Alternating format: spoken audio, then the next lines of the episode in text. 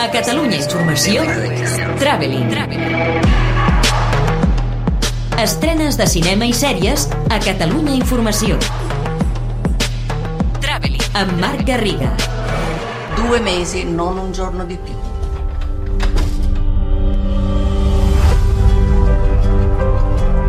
Finché vivi qua, le regole le faccio io. Aquesta setmana d'estrenes ve marcada pel retorn de Sofia Loren de la mà de Netflix. La vida por delante, dirigida pel seu fill Eduardo Ponti, disponible des de divendres 13, és una pel·lícula amb bones intencions, un film de tall clàssic, senzill, però igualment emocionant i commovedor. Així ho confirmava a Catalunya Informació la coprotagonista, la catalana Abril Zamora. Cuenta una cosa como sencilla, pero a la vez muy universal y que habla de unos personajes que pertenecen a unas minorías que parece que lo tienen todo en contra, pero que al final acaban encontrando como un halo de esperanza y acaban agarrándose a las cosas más básicas de la vida, como son el amor, la familia, aunque no sea tu familia verdadera de sangre, sino la familia que eliges o que te vas encontrando por el camino. Y creo que habla un poco de eso, de la necesidad de sentir que te aceptan y encajar. La presència de Zamora en aquesta pel·lícula de projecció internacional també és una empenta a la inclusió del col·lectiu transgènere i en aquest sentit HBO estrena també el dia 13 un documental molt interessant, Transhood, que segueix durant 5 anys quatre nens de Kansas City per explorar com ells i les seves famílies s'adapten i lluiten per mantenir la seva nova identitat. We're born into a certain world. Aquesta setmana també quedarà definida per l'arribada d'una de les millors sèries de l'any, la violenta Gangs of London, un thriller d'acció trepidant que arriba a Stars Play el dia 15. Un retrat de la màfia londinenca amb repercussions a tot el crim organitzat mundial, protagonitzat per Cole Mini, Joe Cole i un prometedor Sop Dirsu. La sèrie, però, ve amb l'empremta de Gareth Evans, el creador de les dues redades assassines, per tant, amb baralles eh, perfectament coreografiades, tirotejos implacables i lluites a mort.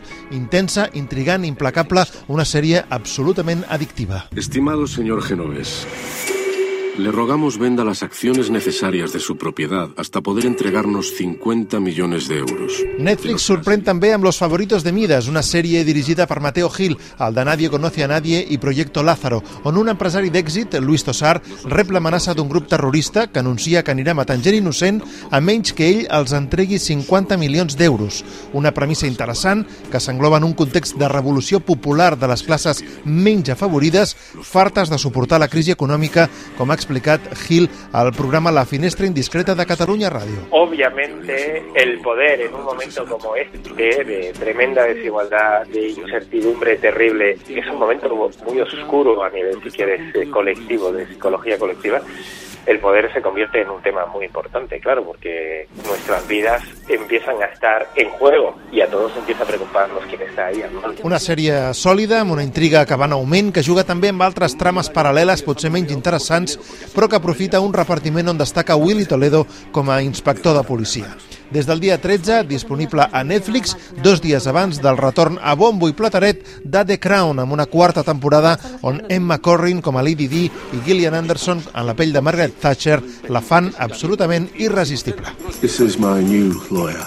She's gonna help me With what? with our divorce. Altres sèries d'estrena destacades d'aquests dies són The Split, un drama judicial sobre una família d'advocades especialitzades en casos de divorci, a Filmin des del dia 17, Talking Heads, on alguns dels millors actors britànics, com Martin Freeman, Imelda Staunton o Jodie Comer, interpreten des de casa i durant el confinament monòlegs clàssics que Alan Bennett va escriure als anys 90 per la BBC, també a Filmin des del dia 13, i Assassinato en Middle Beach, un true crime on el director investiga qui va matar la seva pròpia mare, que s'estrena dilluns 16 a HBO.